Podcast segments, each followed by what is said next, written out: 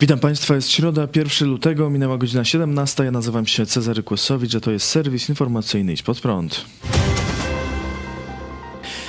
Ocieplenie kościoła, wille, apartamenty i działki dla organizacji powiązanych z PiS i Kościołem katolickim. Takie przedsięwzięcia finansujemy za pośrednictwem Ministerstwa Edukacji i Nauki, którym kieruje minister Przemysław Czarnek. Portal TVN24 opisał na co idą pieniądze z konkursu ministerstwa rozwój potencjału infrastrukturalnego podmiotów wspierających system oświaty i wychowania. Dofinansowanie ma otrzymać 42 organizacje. W sumie ministerstwo przeznaczyło na ten cel 40 milionów złotych. Dotowany ma być m.in. zakup 12 nieruchomości. Po kilku latach organizacje będą mogły wykorzystywać te nieruchomości także na cele komercyjne, lub sprzedać.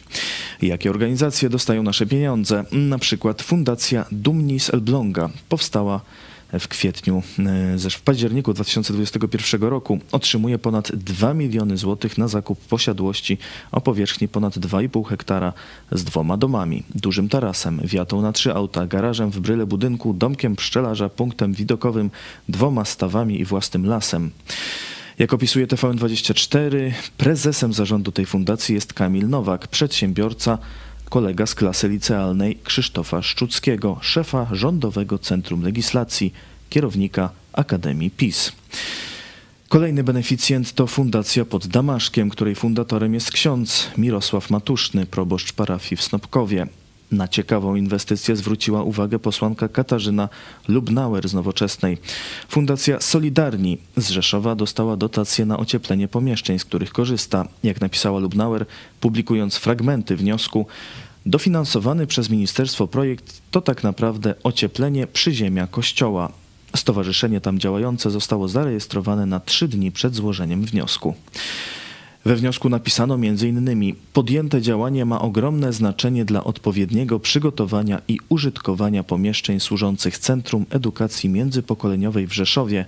Jego działalność jest tożsama z funkcjonowaniem parafii powstałej 9 września 2014 roku na Nowym Osiedlu.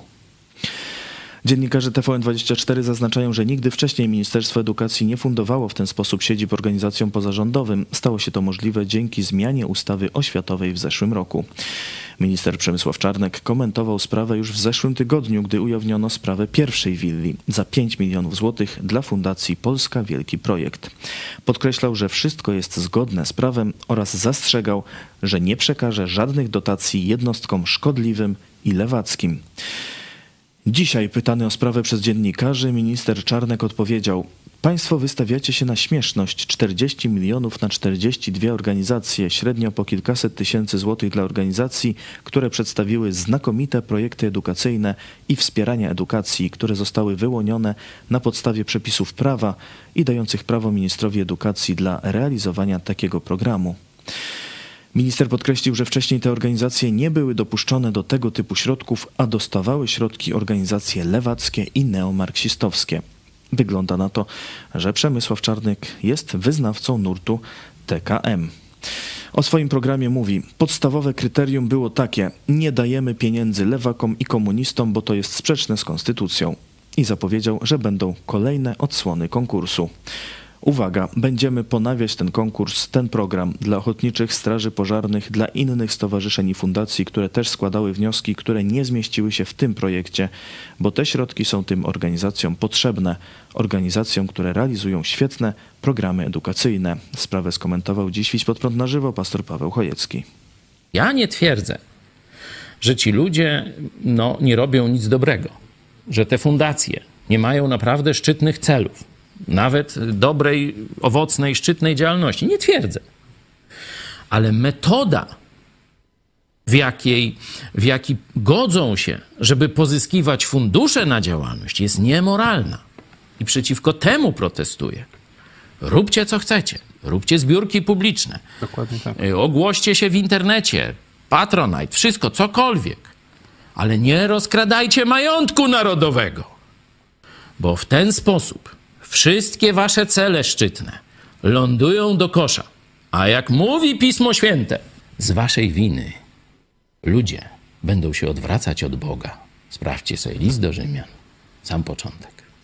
Z waszej winy Jeśli jesteście ludźmi o dobrych motywacjach, to to powinno wami wstrząsnąć. Kompromitujecie Jezusa Chrystusa, biorąc udział w, tej, w tym ogólnonarodowym złodziejstwie rządu PiSu. Opamiętajcie się, oddajcie te pieniądze, przeproście naród i pokornie proście o wsparcie, tak jak my to robimy. Proces Kaczyński-Sikorski nieoczekiwanie zaowocował wsparciem dla Ukrainy. Prezes Prawa i Sprawiedliwości Jarosław Kaczyński wpłacił wczoraj 50 tysięcy złotych na rzecz ukraińskich sił zbrojnych. Uczynił to jako warunek zakończenia sporu sądowego z byłym ministrem spraw zagranicznych Radosławem Sikorskim, z którym procesował się od kilku lat. Radosław Sikorski pozwał Kaczyńskiego za jego wypowiedzi dla Onetu z wywiadu opublikowanego w 2016 roku. Krytykując działania Donalda Tuska i Radosława Sikorskiego w kontekście katastrofy smoleńskiej i polityki względem Rosji, prezes PiS użył określenia zdrada dyplomatyczna. Sikorski żądał przeprosin. Prawomocny wyrok w tej sprawie zapadł w lipcu 2020 roku. Sąd nakazał Kaczyńskiemu opublikowanie przeprosin, ale prezes PiS tego nie zrobił. Sąd zdecydował, że Kaczyński ma pokryć koszty publikacji przeprosin. W końcu Sikorski zapowiedział, że jeżeli Kaczyński do końca stycznia wpłaci 50 tysięcy złotych na rzecz ukraińskiej armii, on sam odstąpi od domagania się zwrotu kosztów. Kaczyński spełnił ten warunek, a Sikorski skomentował na Twitterze: Przyjmuję przeprosiny Jarosława Kaczyńskiego za nazwanie mnie zdrajcą dyplomatycznym w formie wpłaty na walczące w obronie całej Europy siły zbrojne Ukrainy. Cieszę się, że znaleźliśmy patriotyczne rozwiązanie. Po co nam ambasador Rosji w Polsce? To pytanie zadajemy sobie od dawna. Teraz sprawę poruszają Litwini. Minister spraw zagranicznych Litwy, Gabrielus Landsbergis, wyraził wczoraj jasną opinię na temat obecności rosyjskich ambasadorów w krajach Zjednoczonej Europy. Jak cytuje jego słowa agencja BNS, nie ma sensu, żeby w stolicach Unii Europejskiej przebywali ambasadorzy Rosji. Te placówki i tak nie służą już w dużej mierze dyplomacji, ale propagandzie, zamiataniu pod dywan zbrodni wojennych i promocji ludobójstwa, powiedział szef litewskiej dyplomacji. Litwa ambasadora Rosji wydaliła już w kwietniu ubiegłego roku, kiedy świat obiegły doniesienia o masakrze, jakiej rosyjskie wojsko dokonało na ludności w ukraińskiej Buczy. W styczniu bieżącego roku decyzję o wydaleniu rosyjskich ambasadorów podjęły także Estonia i Łotwa. Nowo wybrany czeski prezydent Petr Paweł rozmawiał telefonicznie z prezydent Tajwanu Tsai Ing-wen. Stanowczym protestem zareagowały władze komunistycznych Chin, które nie uznają odrębności państwowej demokratycznego Tajwanu. Chiny zażądały od Czech działań, które miałyby zapobiec, jak się wyrazili, nieodwracalnym szkodom w relacjach obu państw. W związku z groźbami Pekinu do sprawy odniósł się premier Czech Petr Fiala, który stwierdził, że jego kraj jest suwerennym państwem. Sami decydujemy, do kogo telefonujemy i z kim się spotykamy, podkreślił. Czeski rząd co prawda oficjalnie nie utrzymuje stosunków dyplomatycznych z Tajwanem, ale jak wskazał premier Fiala, z demokratycznym Tajwanem mamy tradycyjnie dobre relacje w zakresie gospodarki, szkolnictwa i nauki. Udana akcja tatarskiej partyzantki na Krymie. Dwóch rosyjskich oficerów zginęło w akcji ukraińsko-tatarskiego ruchu oporu Atesz na okupowanym przez Rosję Krymie. Byli to, jak ich określono, stosunkowo ważni oficerowie rosyjskiej Gwardii Narodowej. Zginęli w drodze z Sewastopola do Symferopola. Partyzanci wysadzili w powietrze ich samochód. Po tej akcji na telegramie pojawił się komunikat organizacji Atesz.